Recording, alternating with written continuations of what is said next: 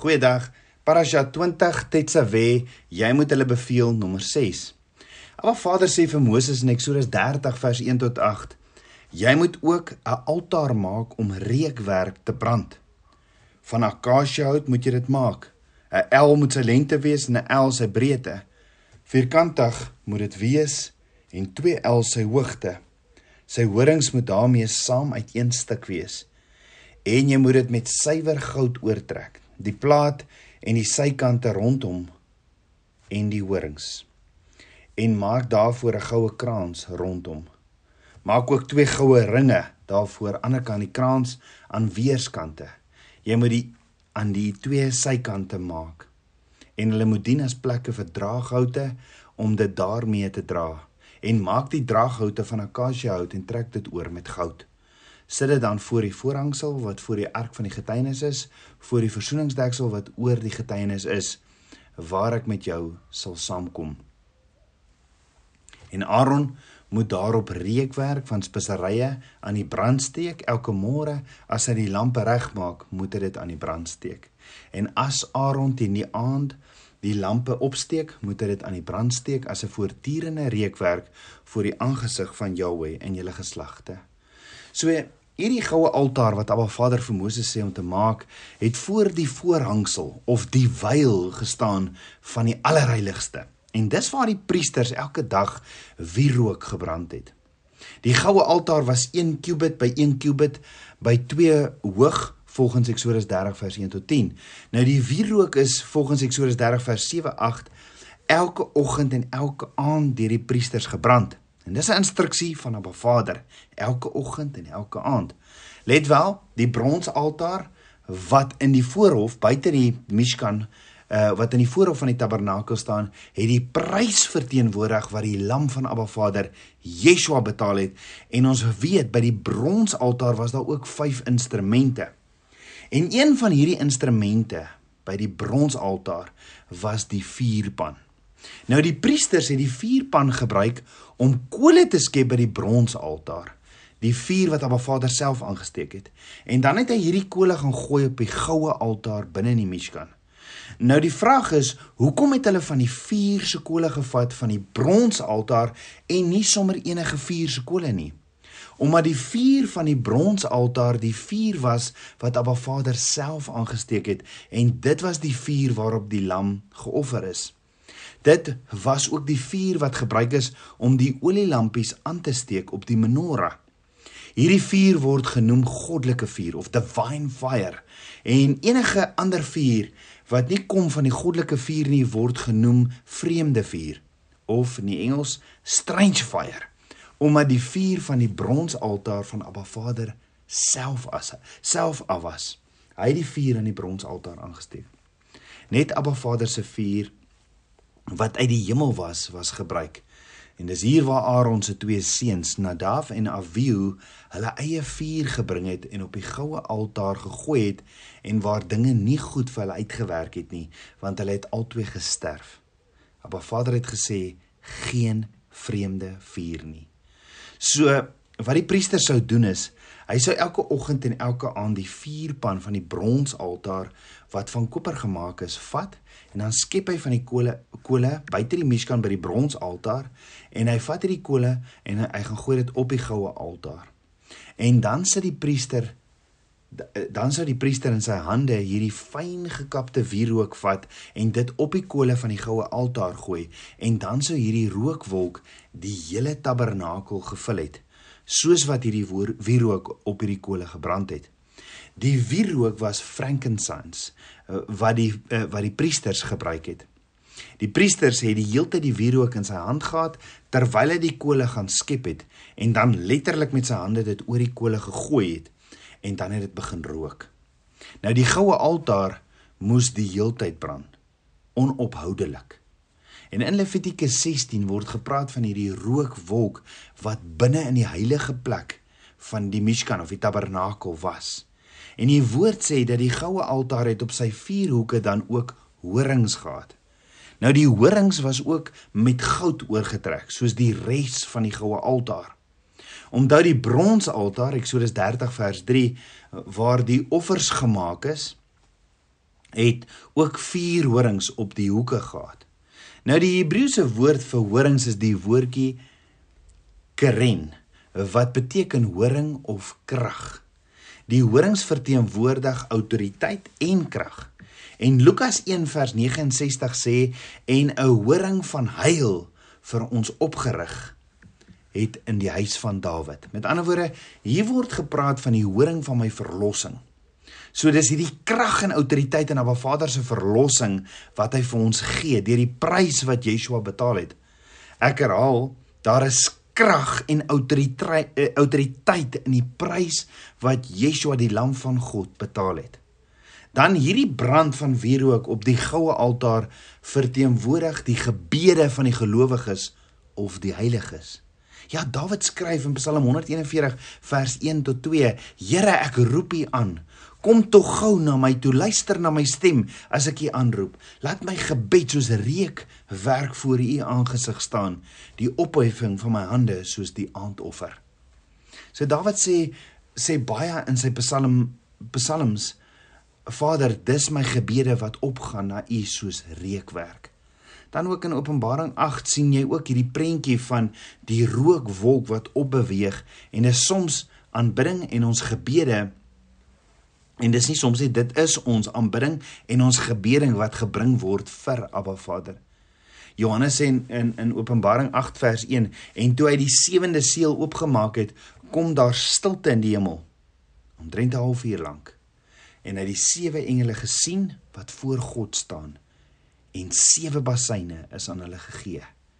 En 'n ander engel het gekom en met 'n goue wierookbak by die altaar gaan staan en baie reukwerk is aan hom gegee om dit met die gebede van al die heiliges op die goue altaar voor die troon te lê en die rook van die reukwerk het met die gebede van die heiliges uit die hand van die engel opgegaan voor God. En die engel het die wierookbak geneem en dit met vuur van die altaar volgemaak en dit op die aarde gegooi en daar het stemme gekom en donderslaan, weerligte en aardbewing. Nou onthou die patroon van die tabernakel soos hierdie afdruk van Abba Vader se troonkamer, asook van die tuin van Eden, asook van die tempel en asook van my en jou liggaam. So die tabernakel is hierdie hele uitleg van Abba Vader se troonkamer in die hemel. En toe Abba Vader vir Moses gesê het bou hierdie tabernakel, was Abba Vader besig om hierdie patroon om hierdie troonkamer van hom vir Moses te wys. Want dit is Abba Vader wat woon saam met ons, nê? Nee. En net so is Abba Vader besig om ons te leer om hierdie tabernakels kinders van hom te wees. Waar binne hy wandel. Waar ek met hom kan praat en hy met my in intimiteit. So Yeshua leer ons bid en dan sê hy sê Yeshua in Matteus 6 vers 10 laat u koninkryk kom. Laat u wil geskied soos in die hemele, net so ook op die aarde. Nou die tabernakel is hierdie afdruk van hoe dit in die hemel lyk, sodat ons kan weet hoe dit eendag gaan lyk. Dit sal net baie baie meer glorieryk wees as wat mens ooit in jou lewe dit kan indink. So die goue altaar staan voor die voorhangsel en agter die voorhangsel is waar Abba Vader wandel in die allerheiligste. So op die goue altaar brand daar wierook en hierdie wierook wat brand verteenwoordig die gebede van die gelowiges. Die Hebreëse woord vir wierook is die woordjie gatar. En die wortelwoord van gatar het twee betekenisse naamlik to be close and to be joined with. Met ander woorde, wat doen my gebede as ek op my knieë voor Abba Vader is? Dit bring my by daardie nabyheid saam met Abba Vader. En dan sê Dawid in Psalm 100 vers 4 in die New King James Version, "Enter into his gates with thanksgiving and into his courts with praise. Be thankful unto him and bless his name." So Dawid leer ons dis hoe ons ingaan in hierdie teenwoordigheid van Abba Vader in intimiteit. Hierdie join together is hierdie nabyheid wat beteken daar's letterlik nie gapings nie.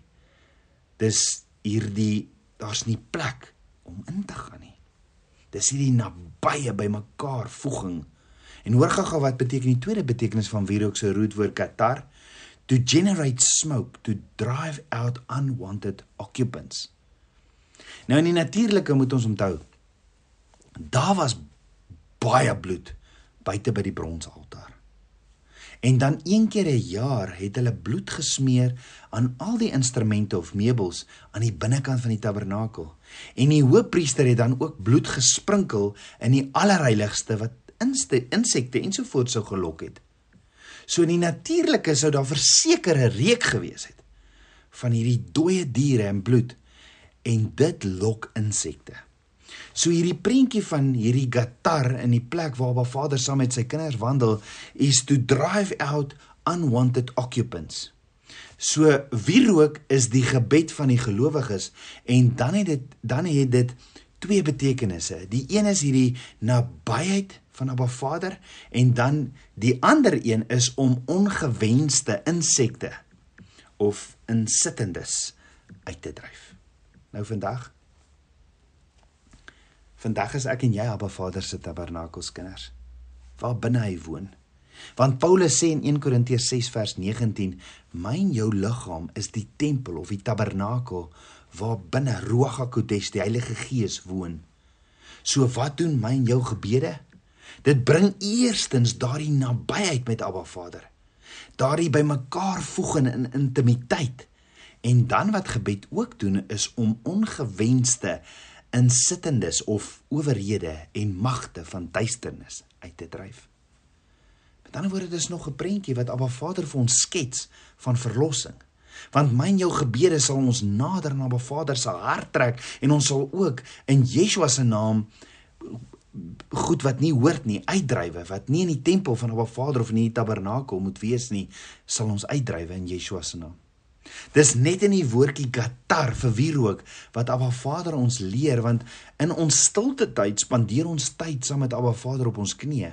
Ons nader hom in gebed en aanbidding en dan in hierdie plekkie van intimiteit saam met hom wys hy my dinge in my lewe wat nie daar moet wees nie. En ek begin dinge uitdryf want ek het die autoriteit en gesag in Yeshua se naam. Maar wat se autoriteit en gesag in Yeshua se naam?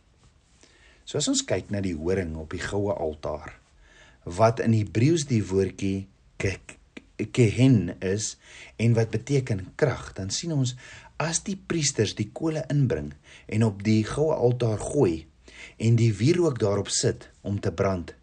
Wat hierdie wat mos hierdie rookwolk maak, is dit hierdie prentjie van my en jou gebede, gebede van nabyheid saam met Abba Vader. En dan ook gebede wat ongewenste en onwelkome on, onwelkom komende dinge uitdrywe met hierdie krag en autoriteit in Abba Vader. Hierdie horings kehen. En dan sê Jakobus 5 vers 16: Bely mekaar julle misdade en bid vir mekaar sodat julle gesond kan word. Die vuurige gebed van 'n regverdige het groot krag. So Abba Vader skilder vir ons hierdie prentjie van die gebed van 'n gelowige is vir intimiteit en bevryding om vry te wees. Wanneer dit hier gedoen is, was dit tussen hierdie vier horings, hierdie kehen wat beteken daar sal krag en autoriteit wees. Presies wat Jakobus sê. Die gebed van 'n gelowige het groot krag. En Abba Vader het vir Moses gesê in die oggend en in die aand sal hulle kole op die goue altaar sit en die wierook brand. Die wierook is volgens Eksodus 30 vers 7 tot 8 elke oggend en elke aand deur die priesters gebrand en dis 'n instruksie van Abba Vader, 'n opdrag. Dit was in lyn met die offers wat hulle gemaak het in die oggend en in die aand. En so is die wierook ook gebrand in die oggend en in die aand. Dis hoekom jy vandag nog in Jerusalem die morning prayers en die evening prayers het wat hulle so uit hulle boekies uitlees.